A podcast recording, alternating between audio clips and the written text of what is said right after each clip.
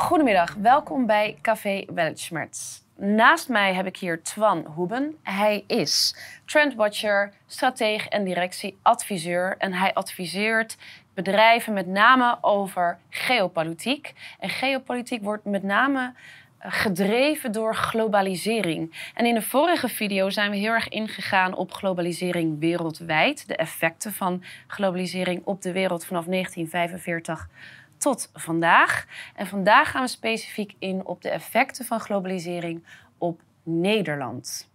Dat is tenslotte waar wij leven en werken en waar Nog ons hart steeds. ligt. Ja, ja, ja, dat heb je mooi gezegd. Welkom, Twan. Ik ben blij dat je er weer bent. En je ziet er weer prachtig uit. Netjes aangekleed. Naar de kapper geweest. Ook dat. Om het MKB te ondersteunen. Waar we later nog eh, wellicht over gaan hebben. Eh, mijn eerste vraag is... Er is natuurlijk veel gebeurd hè, in 1945 tot en met nu. Wat is er precies gebeurd na die wereldoorlog? Ja, waar, waar we het vorige keer ook wel even over hebben gehad, eh, goed om even terug te halen, is dat eh, er een aantal internationale instanties eh, zijn opgericht na die Tweede Wereldoorlog. Of eigenlijk al toen die bijna op zijn einde liep in 1944.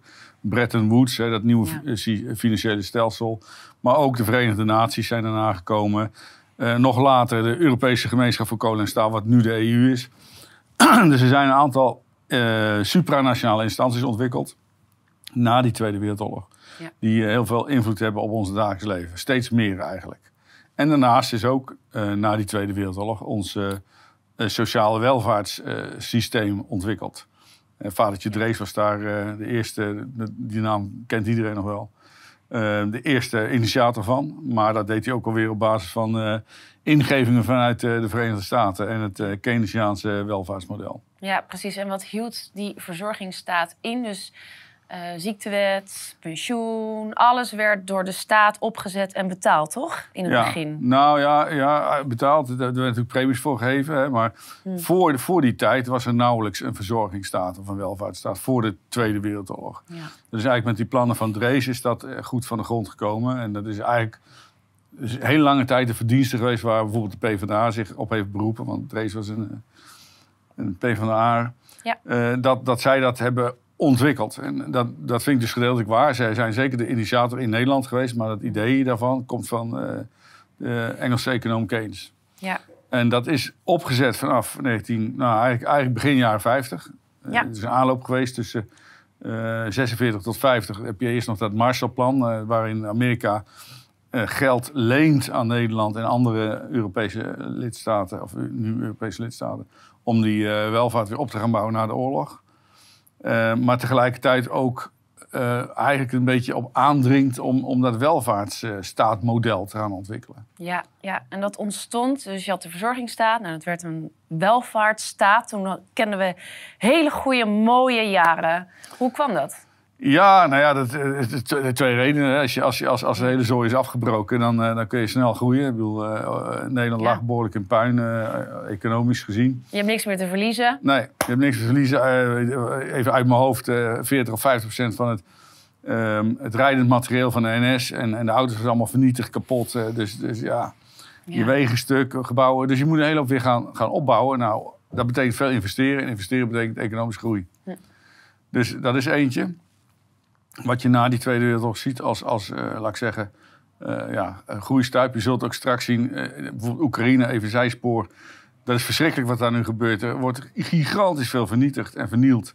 Maar dat moet weer een keer opgebouwd worden straks. Eigenlijk wat er gebeurde in 1945 Ja. gebeurt nu weer. Ja, ja, daar. Ja, dus- Maar dan daar, ja.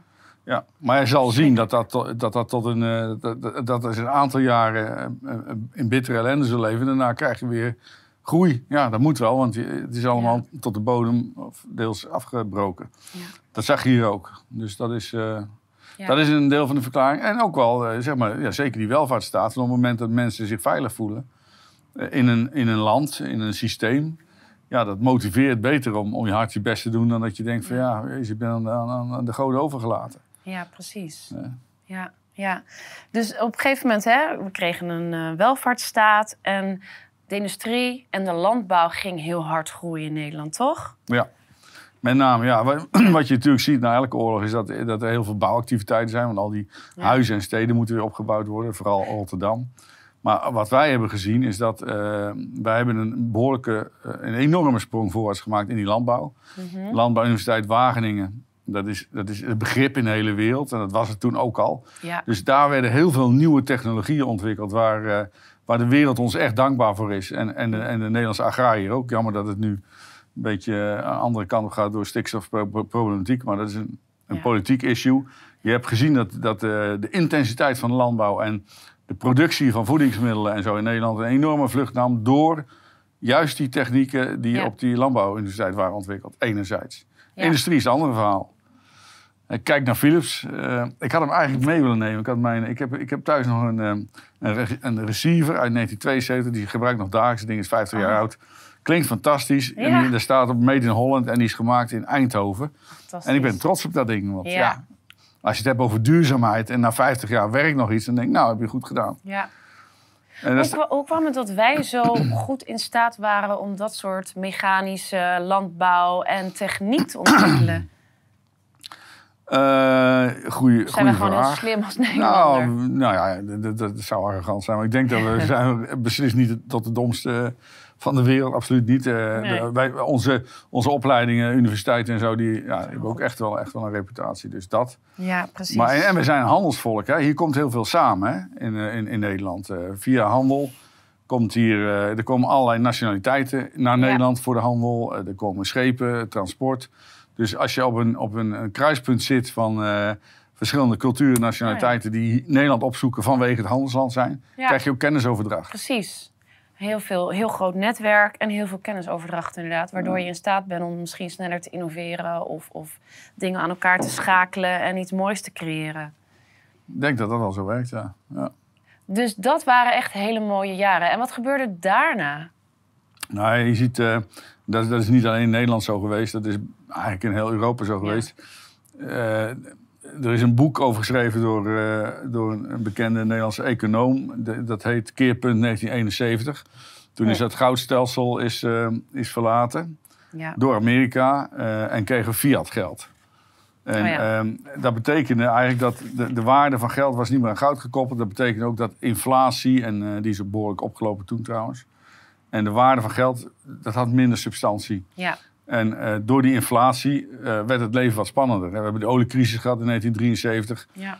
Eh, dus het verlaten van die goudstandaard, die oliecrisis en inflatie...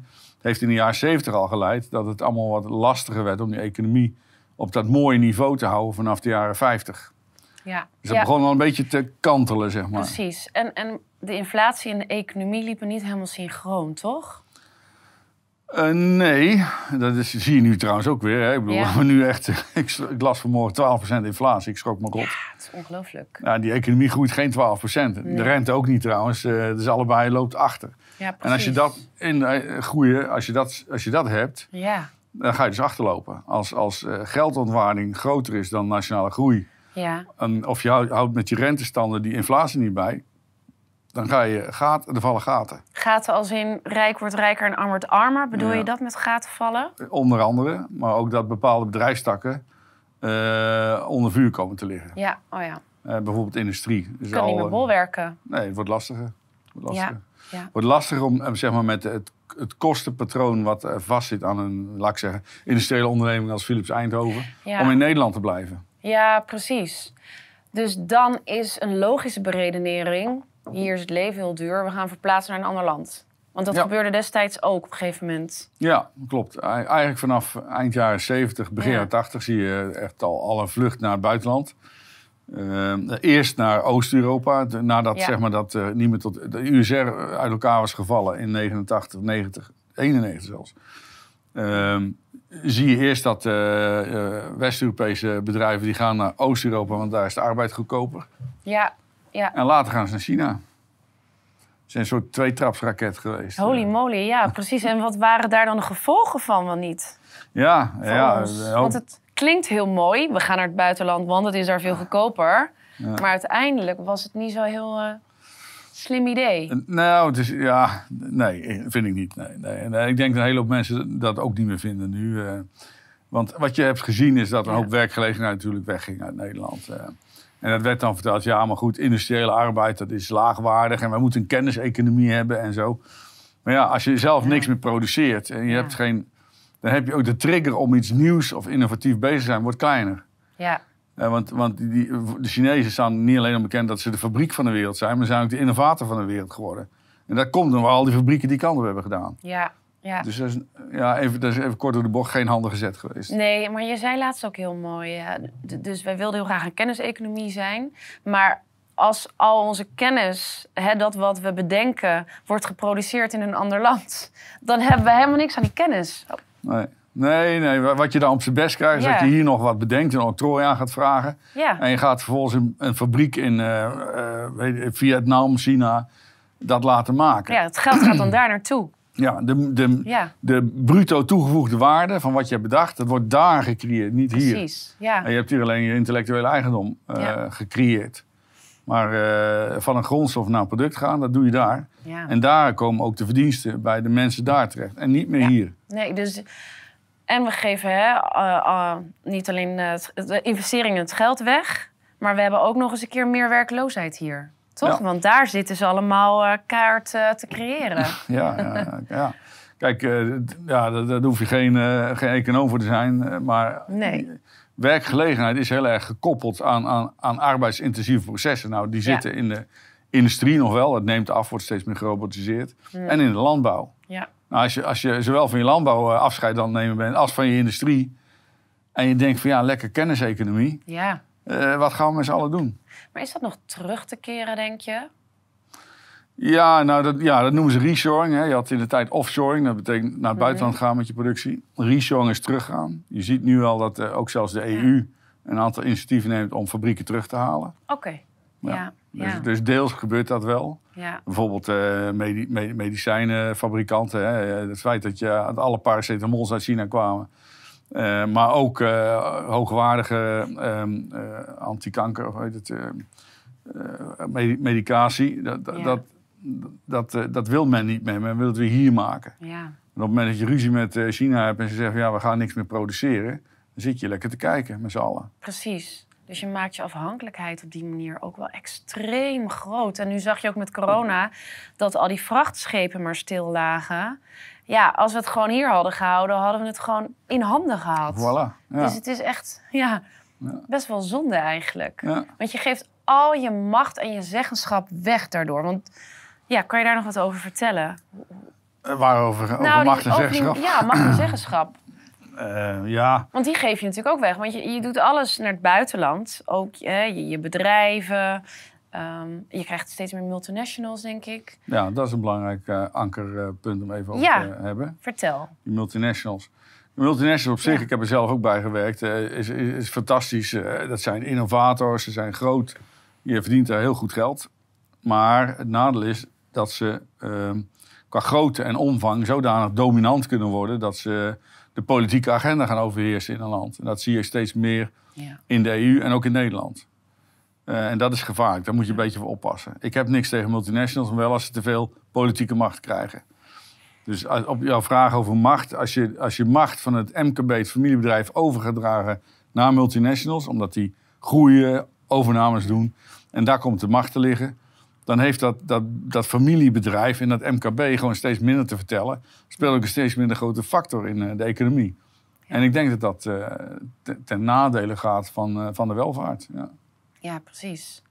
kan gaan. Ja. En ook de vakbonden hebben het vorige keer over gehad. Die hebben Ja. dan ook minder grip en minder macht. Die zijn nationaal. Ja, zeker. Ook belangrijk punt. Hè. Ja. Er, wordt, er is, dat vond ik wel grappig. Dus, ik denk een maand geleden vrij veel over geschreven. Over dat die vakbonden steeds minder leden en minder zeggenschap hebben. Ja.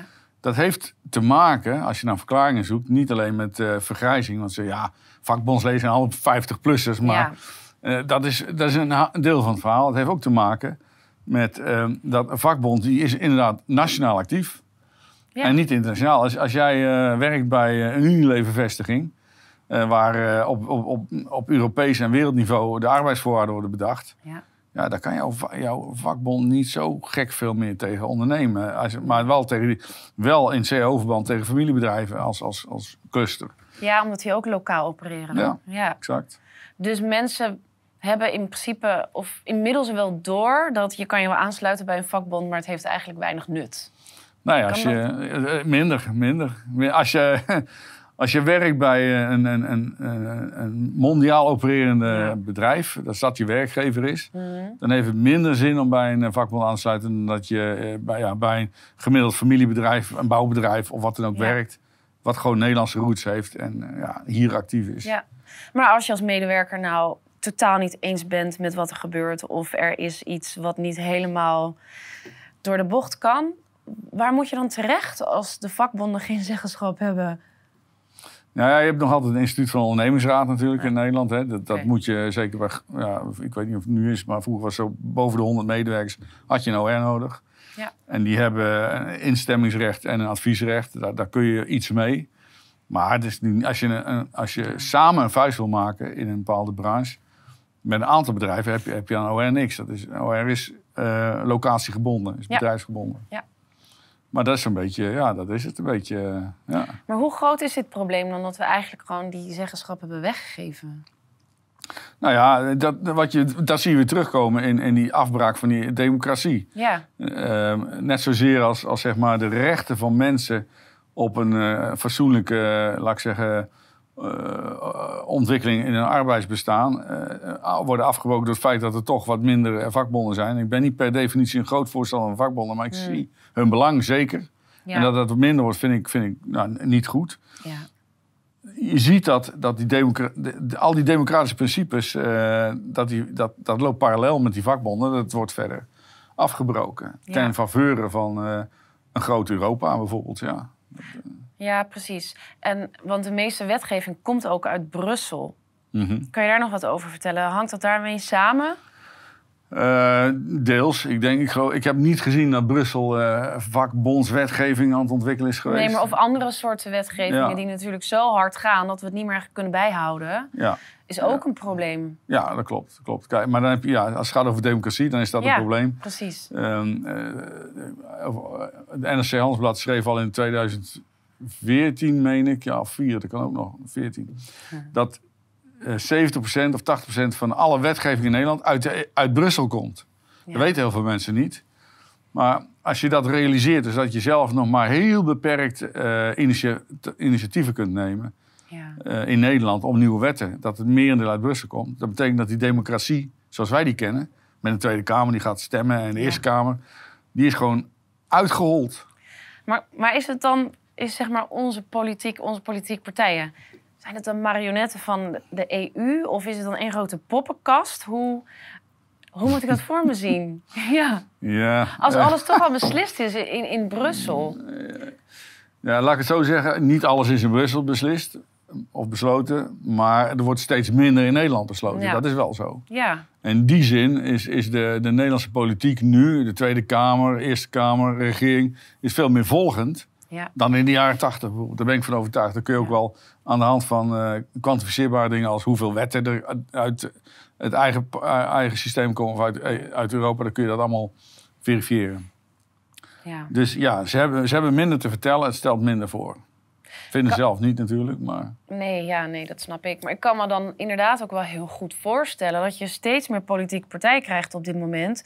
Omdat je hebt altijd mensen die dit natuurlijk inzien en denken: ja, maar ik ga het anders doen. Dus je krijgt alleen maar steeds meer politieke partijen met, ja, ideologen natuurlijk. Maar dan gaat het nog meer versnipperen en dan wordt democratie nog moeilijker. ja, Is, dat, is dit een slim. probleem of, of is dit. Ja, vind ik wel, ja. ja. Mensen hebben ook helemaal niet eens meer zin om te stemmen. Als je, als je gewoon eens rondvraagt. Mensen denken, ja, ik kan wel stemmen, maar wat heeft er geen zin, voor zin? Eén, ik heb geen idee op wie ik moet stemmen, want er zijn, nou, hoeveel partijen zijn er inmiddels wel niet? Zo rond de twintig. Dat is veel. Ja, Vroeger had je gewoon 27. VVD, CDA, Ja, D66, ja, ja, ja. GroenLinks. Weet je, je, je had gewoon, je wist wie waarvoor stond en dan ging je stemmen. Ja, Rechts of links. Nee, Maar, dat, dat klopt. dat klopt. Kijk, daar zie je hetzelfde eigenlijk weer. Je Ja. ziet doordat die, die, die democratie wordt uitgehold, als tegenbeweging zie je steeds meer partijen, sommigen noemen het populistische partijen, maar in ieder geval partijen die, eh, die klein zijn, die versplinterd zijn, die zie je in de Tweede Kamer komen. ja. Met als gevolg dat, dat het hele politieke landschap nog veel meer versplinterd is en Ja. verdeeld. En dat die eenheid, die toch wel prettig is als je een bepaalde kant op wil en niet, niet aan, aan de, laat ik zeggen, de, de, de, de, de, de hand- dat je niet als verlengde van een, een Europese Unie alleen maar functioneert. Ja, Dan heb je baat bij eenheid in je eigen land en bij krachtige, sterke centrale partijen. ja, Op het moment dat dat, wat je nu ziet, eh, meer nou, democratie, minder recht doet, die, die grote partijen, Hm? dan krijg je die splinterpartijen, wat jij ook al schetst, eh, ja, als gevolg. ja, En dat is ook ja, op zich geen goede ontwikkeling. Want eh, die hebben Nee. niet meteen de meerderheid. En, nou ja, dus je krijgt steeds meer ja. verzanden, versnipperen. Het wordt er niet beter op. Kunnen ze daar dan geen regels voor maken? Als je dan nuttige regels maakt, kun, kan je dan niet regels bedenken van... we mogen maar een x-aantal politieke Politieke partijen. Ja, die ja, verdeeld zijn over links, rechts, midden in de samenleving... ja. een beetje weer terug naar hoe het was? Of kan dat niet meer? eh, nou ja, je kunt de kiesdrempel verhogen, zodat je niet al die kleine partijen krijgt. Maar nu dwalen we volgens mij af van globalisering. Dus Eens. laten we daar even naar terug. Nee, precies. Dus hè, in in, we hadden twintig hele fantastische jaren. Nou, daarna werd het een stuk minder eh, door de groei van multinationals. En je had het Nou, net over verplaatsing oh ja, naar Oost-Europa, maar ook China. China. Dus wat Ja. is daar dan de rol van? Van China? Ja, op globalisering en specifiek het effect voor Nederland. Oké, ja. Nou ja, goed. Wat, wat ik al zei, ik heb het zelf meegemaakt. Hè. Ja. Ik, ik, heb, ik, heb, eh, ik ben in, tot eh, 2002 ben ik eh, in- directeur in loondienst geweest van een Ja. groot metaalbedrijf. Dat was dochter van een Engelse multinational. En wij gingen al vanwege, ja, ik, met pijn in mijn hart hoor, want ik vond het ik, ik- emotioneel, of laat ik zeggen, principieel stond ik er niet achter. Maar ik ging al naar Polen om daar onderdelen te laten maken voor de producten, kantoormeubelen, die wij hier in Nederland maakten. Ja, En tegen de tijd dat ik eh, dat werk eh, verliet, eh, gingen we al kijken naar China. Of daar niet nog goedkoper kon. ja. Met andere woorden, je bent gewoon werkgelegenheid aan het, aan het uithollen. En ik heb dat zelf ook gedaan. mea culpa. Maar dat, dat is de trend. En je kunt Ja. niet zeggen als directeur van zo'n bedrijf tegenaan... ja, ik werk hier niet aan mee, want het is tegen mijn principes. Nou, dan, Ja. dan krijg je heel snel te horen, zoek maar een andere baan. Dus, ja. maar maar dit, dit heb je in het groot gezien. Dus van Nederland naar Oost-Europa naar China. China, ja. Ja, Ten koste van werkgelegenheid. ja precies. En, en innovatie. Want op het moment dat jij daar je spullen gaat maken... en ze zijn daar in het productieproces bezig... denk hé, hey, er gaat in, in deze stap in de productie gaat iets fout. Laten we daar een oplossing voor bedenken. Mhm. Dan wordt daar geïnnoveerd. In die fabriek. Ja, En niet meer hier achter Nee. een tekentafel... want eh, het hele proces is weg. Dat zit in China. Maar wat doen we hier nog dan? Nou ja, ik, eh, ik, eh, kijk, ik denk dat er, ik, dat er hele goede eh, gesprekken op gang zouden moeten komen, ook in EU-verband, over een stukje reshoring. Wat wil je nou eigenlijk terug hebben naar, naar hier, om je eigen economie weer op te gaan bouwen? Want die, die, die, die drijft ook steeds verder naar de afgrond. Ja. En dan kun, je, daar kun je een aantal maatregelen tegen nemen om dat te stoppen of te keren. Ja, En dat is niet veel van hetzelfde blijven doen. Dus je moet echt weer een stuk terughalen.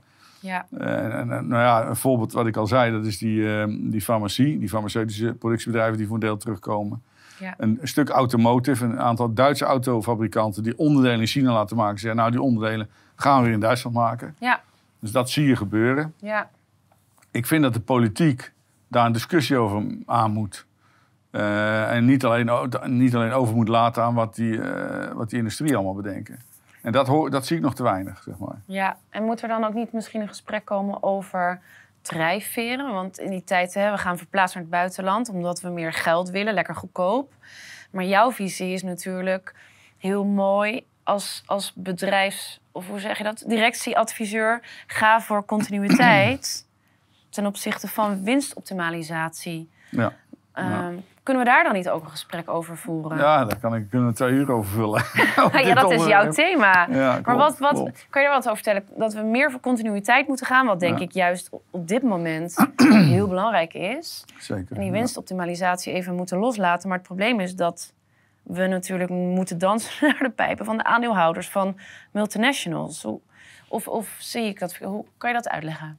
Ja, graag. Ehm, we hebben het net gehad over de, dat eh, zeg maar, het- deel van het bruto nationaal product in Nederland... wat van multinationals afkomstig is, groeit. Ja, Eh, multinationals zijn over het algemeen inderdaad uit op aandeelhoudersbelang. Een, eh, een familiebedrijf heeft ook aandeelhouders, maar het zijn familieleden. Ja. En die vinden het belangrijker dat het bedrijf over 20, 30 jaar er nog is... dan of ze volgend jaar een nieuwe Mercedes kunnen kopen. ja, enkele na- eh, niet, niet nagesproken. Dus dat, dat, Dat zie je dus. Het korte termijn denken, dat is eh, meer bij aandelen en, en beursgenoteerde bedrijven aanwezig dan bij die Ja. MKB-familiebedrijven. Als je het hebt over continuïteit, Ja. ook van je economie, dan heb je dus meer aan het MKB-bedrijf die op lange termijn denkt, ook al werkgelegenheid, investeringen, dan die korte termijn denkers die a- aandeelhoudersbelang zo hoog hebben staan. Dus ja, Ja. als antwoord op jouw vraag, je hebt er als, als economie moet je ook, net zoals je een balans moet vinden tussen wat produceren we hier nog zelf en wat doen we in het buitenland, moet je balans vinden tussen hoeveel multinationals wil ik hier hebben en hoeveel MKB wil ik Ja. eigenlijk stimuleren. En als je dat maar gewoon aan de, aan, aan de ontwikkeling overlaat, wat je nu ziet in Nederland, Ja. ben je hartstikke fout bezig als Ja. politiek, wat mij betreft. Maar ziet niemand dat dan nu gebeuren? En, en zien we dan nu niet soort van contra-bewegingen van... goh, hé hey jongens, dit gaat verkeerd. Ja, ik, ik, ik, ik, ik, ik weet het niet. Ik, ik ben bang dat, dat Ja. ja. ja, dat- klinkt een beetje naar misschien, maar dat, dat sommige, een aantal politici gewoon inderdaad dat besef, dat economisch, financieel besef, dat dat te weinig aanwezig is bij onze parlementariërs. Dat gevoel heb ik. Wat zou je tegen ze willen zeggen als, je, als ze nu voor je zouden zitten? Ga een cursus eh, Finance voor Non-Financial Managers volgen. Dat, ik vind dat, hele, eh, Ja. dat al die 150 Kamerleden dat moeten doen. Ja, zou je een mooi voorbeeld geven. Ik sprak Ja. laatst met een, ehm, een, een, een uitgetreden Tweede Kamerlid van VVD-huizen. Die was nou, weg uit die VVD. Ik zeg van, ik vroeg hem, ik zeg, eh, hebben jullie in die coronatijd wel rekening gehouden met het feit dat het aantal faillissementen afnam door al die overheidssteun, maar dat het Mm. aantal vrijwillige bedrijfsbeëindigingen gegroeid is? Ja. Hij zegt, eh, hij keek me wat glazen aan. Hij zegt, ehm, maar bedrijfsbeëindiging en faillissementen, dat is toch hetzelfde? Ik zeg, nee, nee, nee, nee, nee. Bedrijfsbeëindiging is vrijwillig, faillissement is afgedwongen. Hij zei, nou, dat weet volgens mij niemand in de Tweede Kamer, zei, zei deze man. ja. Ik zal hem zijn naam niet noemen. Maar dat zei hij. Eh, dus ik, ik, ik zei, is, dat dan, is het dan hetzelfde gesteld met eh, de financiële kennis van eh, de parlementariërs? Hij zegt, die is gewoon onder, onder de maat. Een, VVD die dat zegt. Dus eh, ja, ik vond dat wel eh, heftig. ja, vind ik ook wel heftig. Ja.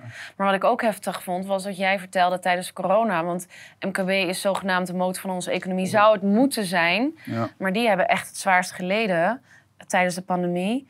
Mhm. En je vertelde ook dat er heel veel, hoe noem je het nou? Eh ghost eh, bedrijven of, of Zombiebedrijven. zombiebedrijven. Ja, ja, dus heel veel bedrijven. Maar goed, dat is natuurlijk doordat die regels zo snel worden ingevoerd... en we kunnen het allemaal niet bijhouden. En ze moesten ook snel iets ontwikkelen met overheidssteun. Maar dat werd, ja, die steun ging naar bedrijven die anders ook wel failliet waren gegaan. Dus pff, weg geld. Ja, ja.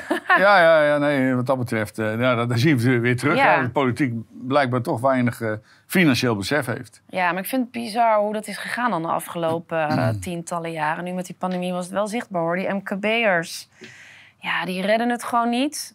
Nou, en de Jumbo, wat heeft hij eh, omge- omgezet vorig jaar? Wat 10 miljard ja, of ja, zo? veel meer natuurlijk, ja. Volgens ja. Maar nou ja, ja. goed, dat is, dat, is, dat, is, dat, is, dat is niet per se eh, een globaliseringseffect. Nee. Dat is een, een, een, een corona-effect geweest. Kijk, mensen die konden niet meer naar restaurants, ze gingen thuis eh, lekker koken en gaan meer naar de Jumbo. Ja, weet Ja, je, ja. zoiets. Maar als je kijkt naar, eh, als je dat corona-effect even uitschakelt, dan zie je wel dat in Nederland een steeds groter deel van het bruto nationaal product afkomstig is uit multinationals. Activiteiten van multinationals. ja. Die dus minder waarde hechten aan democratie, vakbonden en ook eh, korte termijn denken. Hmm. In plaats van dat MKB waarvan iedereen zegt, ja, dat is de motor van de economie. ja. Maar het is afgenomen. Is, Volgens een, eh, een McKinsey-onderzoek uit eh, mei vorig jaar is zelfs het MKB Nederland, eh, zeg maar het niet beursgenoteerde Hmm. eh, deel van het BNP is nog maar 40 Dus Echt niet waar? meer eh 60. Ja. Ongelooflijk. Ja. Kan je daarmee zeggen dat zeg maar, de pandemie of COVID ook een soort van globaliseringsaanpak was? Ja, nou, ja nou, dat, dat- dat gaat te snel. Oh, dat gaat wel te heel snel. Ja, ja, ja. Kijk, de aanpak is, is Ja. eh, want die is wel, die is in heel veel, in het Westen is die grotendeels hetzelfde geweest in heel veel landen. Dus dat zou je kunnen zeggen, ja, dat is ook globalisering. Als, als er één systeem wordt uitgerold van vaccinatie, van, van eh, productie van, van, van vaccins enzovoort, als het allemaal wordt bedacht eh, onder een Europese of een, of een VS noemer, dan zou, dat, zou je dat globalisering kunnen noemen, ja Ja. Omdat die systemen zo zijn opgezet dat het uitgerold wordt over een heel groot deel van de wereld. Ja, dat, dat kun je dan. eh, ja, het wordt uitgerold, maar je hebt er ook vrij weinig tegen in te brengen. Althans, dat gevoel heerst er natuurlijk wel onder de bevolking. Een soort van, er gebeurt Ja. iets internationaal. We hebben er echt totaal geen grip op. Veel onzekerheid, onmacht, frustratie.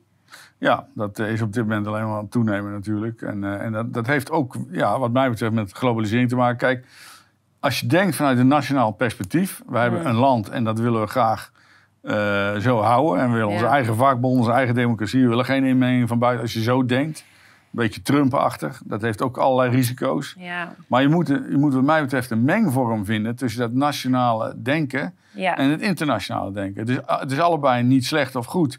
Maar als je, als je alleen maar één kant op gaat. Ja. Je kunt ook niet als Nederland in je eentje eh, je afsluiten voor de rest van de wereld. En zeggen we doen alles lekker stiekem hier. Ja. En, en we houden geen rekening met wat er over de grens gebeurt. Dat gaat niet. Nee. Maar als je, als je alleen maar de internationalisering slaagt en je geeft je, je hele zooi in de, in de uitverkoop, je, je kennis, je productie, je fabrieken, dat is ook niet goed. Dus die mengvorm vinden, de tussenvorm, ja. dat zou ik de politiek graag zien doen. Dus het gaat om balans, net als yin en yang, zoals het in het leven gaat. Maar Ja. dus ook in de economie. Gewoon de balans vinden tussen nationaal en internationaal. En hoe zou jij dat aanpakken? Hoe, ja, hoe zou je dat anders doen dan hoe het nu gebeurt? Ja, ik zou, eh, ik zou echt, eh, ik zou echt ja, een aantal dingen. Ik zou kijken, oké, hoeveel economische wetgeving komt er nu uit, die, uit Brussel, uit de Mhm. EU? En willen we dat wel? Ja. Dat je daar gewoon een, dat je daar eens een, een, een Nederlands debat over hebt in de Tweede Kamer. Dat is één ding. Maar als je zegt, we willen dat niet, kan dat dan? Ja, tot op zekere hoogte. Hè. De EU die heeft eh, verschillende eh, systemen. Ja, je hebt de verordening, die is bindend voor alle landen. Daar kun je niet zoveel tegen doen. Maar je hebt ook, eh, je hebt ook andere vormen van juridische regelgeving uit, uit de EU... Waarvan jij zelf, waar je zelf een eigen interpretatie aan kan geven. De, de niet-verordeningen, maatregelen. Eh, maar goed, als je dat niet weet of je weet niet welke dat zijn... Ja, dan, dan ga je al gauw, loop je al gauw met de mainstream mee. Maar dat is toch de hele crux van het verhaal. We moeten toch sterkere leiders dan hebben binnen onze overheid... die A, dit überhaupt weten... en twee, daar ook aanspraak op durven te doen. Wat nu dus niet gebeurt. Dus waar, waar zijn die sterke leiders? Ja, ja, ja goed. Ja, pas op, sterke lijn is ook weer gevaarlijk. Maar inderdaad, je wil geen, eh, je wil geen eh, Poetin-achtige natuurlijk in je politiek hebben. Nee. Maar je wil wel iemand die gewoon die snapt wat er gebeurt... en die Ja. ook eh, grenzen durft te stellen... aan wat, er, aan wat de internationale invloeden zijn op de belangen van ons land. Ja. Zonder meteen een populistische kant op te gaan... of een, of een socialistische kant op te gaan. Maar ik, ik pleit voor... eh, ja, toch weer typisch Nederlands, de middenweg te bewandelen. En te kijken van wat, wat willen we nog wel vanuit het buitenland aan invloed en wat niet. En wat we niet willen, dan moeten we grens, een streep trekken. Dat Mhm. Ja. gebeurt niet op dit moment. En waar zou je het bijvoorbeeld echt niet willen? Wat, Niet wat meer. Zou, wat zou ik niet willen? Eh, invloed vanuit Brussel of regelgeving. Waar zou je, op welk vlak zou je zeggen... daar moeten we gewoon niet meer doen? Nou, ik vind bijvoorbeeld het, het geldstelsel, zoals dat nu echt Europees behoorlijk ver eh, is eh, geregeld en uitgehold ook. Mm. Daar, moeten, daar moeten wel eh, nuanceringen worden aangebracht. Dat op het moment dat je, Ja. dat je ziet dat jarenlang je spaargeld hier eh, ja, niks meer waard is, geen rente oplevert. En ook nog een keer met 12% inflatie in waarde acht. Dan moet je toch, ehm, en dat is lastig binnen het huidige eh, framework, maar, maar dan moet je, daar moet je dan wat aan doen. Ja. Dan moet je maatregelen durven nemen of de discussie weer in die EU aangaan. Of met die ECB van jongens, ja. we gaan nu echt wat te ver. Want als je dat niet doet, dan krijg je op een gegeven moment een stuk onrust in een land... waar ik geen voorstander van ben. Eh, waar die politiek niet op zit te wachten, zit niemand op te wachten. Als Nee. dit te lang doorgaat, dit traject van eh, economische, laat ik zeggen, ja, pressie, druk... eh, inflatie, eh, geldontwaarding. Ja. Ja. op een gegeven moment eh, gaan mensen die komen in, en die gaan in de contramine. En ik vind Ja. dat je als politiek dat niet moet willen en dat je dat moet voorkomen. Niet, niet door de repressie en iedereen in de gaten te gaan houden, maar gewoon door het debat open te Ja. gooien, het gesprek aan te gaan. Ja, want we stevenen denk ik wel weer af op een depressie, recessie. Ja, ja, ja. ja. Is dat nog is, enigszins in toom te houden, denk je, als we nu dit gesprek aangaan? Of zeg je van, wordt wel een ding? mm, we zijn dan erg aan de late kant. Ja. ik, ik vind echt dat. eh, maar dan krijg je. Ik vind bijvoorbeeld dat de rente omhoog zou moeten. Ja. Eh, ik bedoel, het is bekend. eh, de- De huizen, de rente voor, voor hypotheken is nu al flink aan het stijgen weer. Ja, dat krijg je natuurlijk. Want banken vinden het gevaarlijk om nu nog geld uit te lenen. Dus die, Ja. de, de premie gaat omhoog op dat uitlenen van geld. Ja, Dus dat gebeurt wel. ja, Maar plat gezegd, hè, ik had het in, tijdens de lunch erover. Als je weet dat de inflatie nu rond de 12% is in Nederland, dat is echt ongehoord. Ja.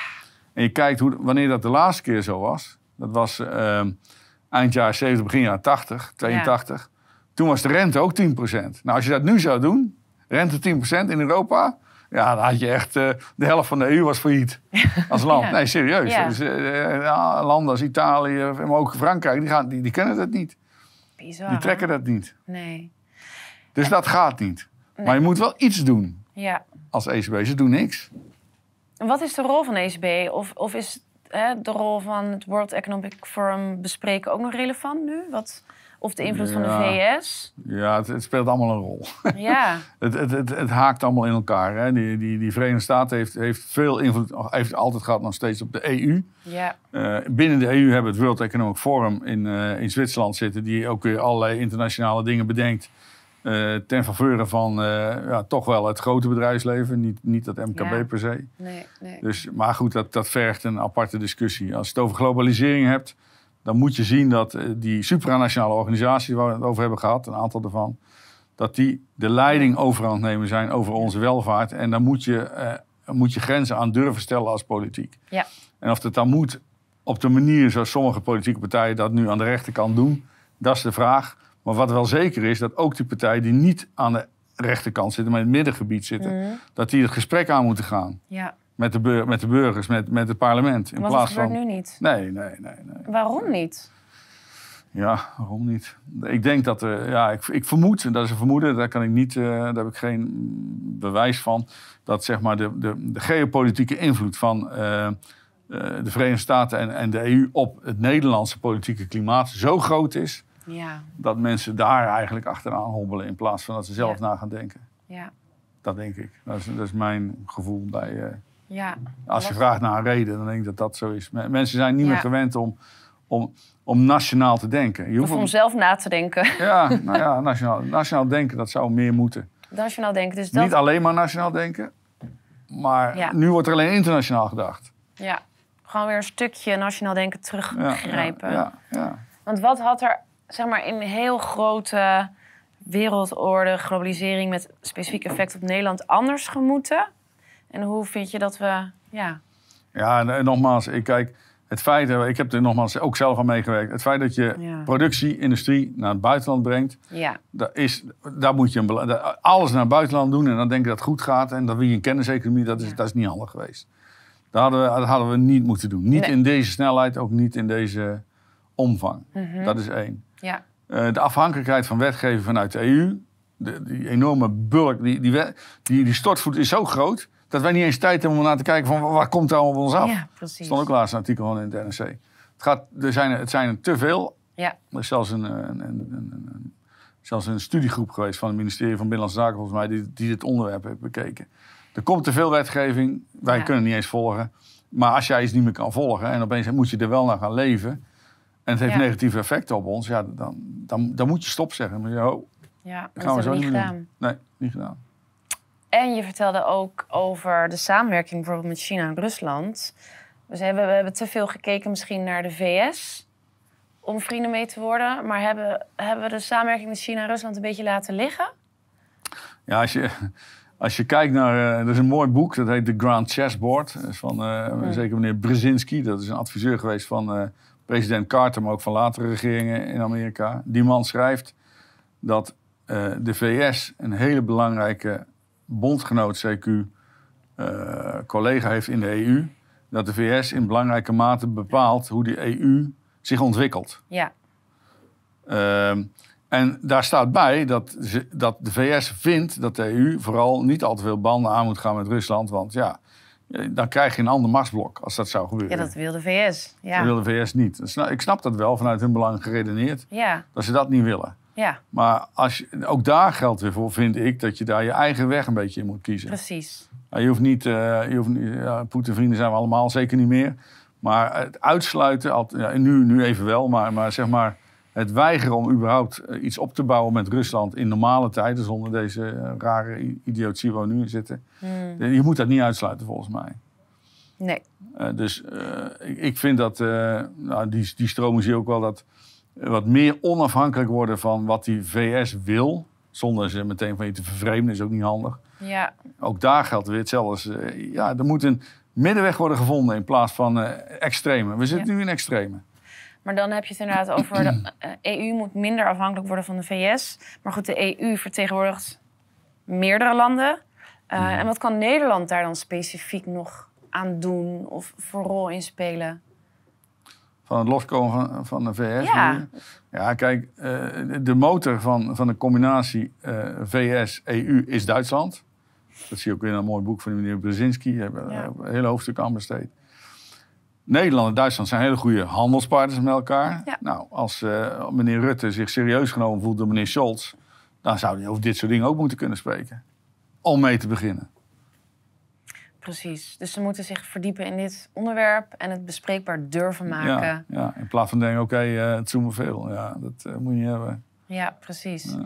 Is dat dan zeg maar ook jouw key takeaway van het hele onderwerp globalisering en effecten op Nederland? Er had veel anders gemoeten. Ja, Maar ja, dat is in het verleden. Wat, wat, wat kunnen we nu doen? Dat is dus gewoon het gesprek openen. en ja, onze eigen is- weg kiezen. ja, maar ook wel heel gericht, hè? ja. Heel gericht. Ja, tuurlijk. Meer, de eigen weg kiezen, meer eh, publieke, de, publiek debat, ook in die Tweede Kamer, over eh, reshoring in plaats van offshoring, dus Ja. terughalen van de industrie. Ja. Eh, meer eh, publiek, zeker politiek debat in die Tweede Kamer over de rol van de ECB en de invloed op ons geldstelsel en op onze eigen economische ontwikkeling, die nu een beetje dat tempo heeft. ja. Dat gewoon aandurven elkaar. En niet denken van ja, we zijn lid van de EU en we zijn lid van dit en dat. Dus gaan we klakkeloos erachteraan lopen. Want dan raak je je democratie steeds verder kwijt. En je raakt je welvaart steeds verder kwijt. En dat moeten we niet willen. Dus we moeten niet het eh, beste jongetje van de klas willen zijn, maar gewoon lekker recalcitrant. Ja, een beetje rebels. eh, Ja. Dat spreek je ook wel aan, denk ik. Dat, eh, Ja, laten we gewoon lekker gaan rebelleren. ja, ja, Ja. gezond rebelleren. Ja, ja, zeker. Absoluut. Dat, dat mag wel een beetje, ja. Ja. iets meer afzetten, iets meer voor onszelf gaan staan. En ook die politieke partijen, zeg jij, zei je heel mooi, die moeten terug naar hun kernwaarden. Gewoon. En ik sprak laatst ook een wethouder en een lijsttrekker en die zei ook van ja, de standpunten, het is allemaal versnipperd. We moeten gewoon inderdaad weer terug naar waar staan we nou echt voor en daar Ja. ook naar durven handelen, want dat durven heel veel ook niet meer. Nee, mensen zijn bang geworden. Ik Ja. bedoel, eh, alleen al eh, kritische dingen schrijven of eh, Ja. voor sommige YouTube-kanalen verschijnen. Dat wordt best wel als spannend ervaren. Dus ja, Ja, je wordt gewoon dat vind ik jammer. Ja, dat is toch doodzonde. Ja, dat is echt heel zonde. Dus we moeten, ik vind echt dat we wat meer voor onze eigen... Als, als in een relatie. Als je, als je de relatie tussen landen bekijkt en dat gaat niet goed... En, en je loopt maar achter dat grotere land aan van ja, dan overkomt me niks. Dan ben je volgzaam, maar je, je, je en niet aantrekkelijk. je- nee, niet aantrekkelijk, precies. Nee. Je komt niet aan je trekken, je bent niet aantrekkelijk. Nee, En eh, je bent een soort schoothondje, je bent eh, codependent, zeg maar, in Ja. de psychologische termen. Nou, dat moet je niet willen. nee, precies. Want die grotere, dat grotere land hoeft maar te zeggen... Ik heb je niet meer nodig. Ja. En daar sta je dan. Ja, juist. Oké, dus we gaan gewoon rebelleren. Nou, gewoon... eh, Op een positieve, respectvolle manier. Juist, ja, ja, ja. En we gaan vooral, eh, die politiek moet wat actiever worden weer bij ons, vind ik. Maakt niet uit of het eh, PvdA, Vorm van Democratie, eh, CDA. Ze moeten meer het moeilijke gesprek aandurven te gaan. In plaats van maar achter de meute aanlopen. En zie je dan nog hoop? Ik blijf altijd vol met hoop. Zeker als ik zo'n leuk gesprek heb gehad. Nou, daar sluiten we mee af. We zijn nog vol hoop, altijd, zolang we ons eigen pad kiezen en het gesprek durven te openen. Dus ik wil je hartelijk danken. We hebben nu twee hele mooie video's gehad over globalisering. Ehm Dank je wel voor eh, vandaag weer. Is er nog iets wat je wil zeggen? Of... nee, ik vind het mooi geweest. Super, dank je ik vond het een heel goed gesprek. Ja. Nou, En dank jullie wel ook. En we horen heel graag wat jullie ervan vinden. Fijne dag.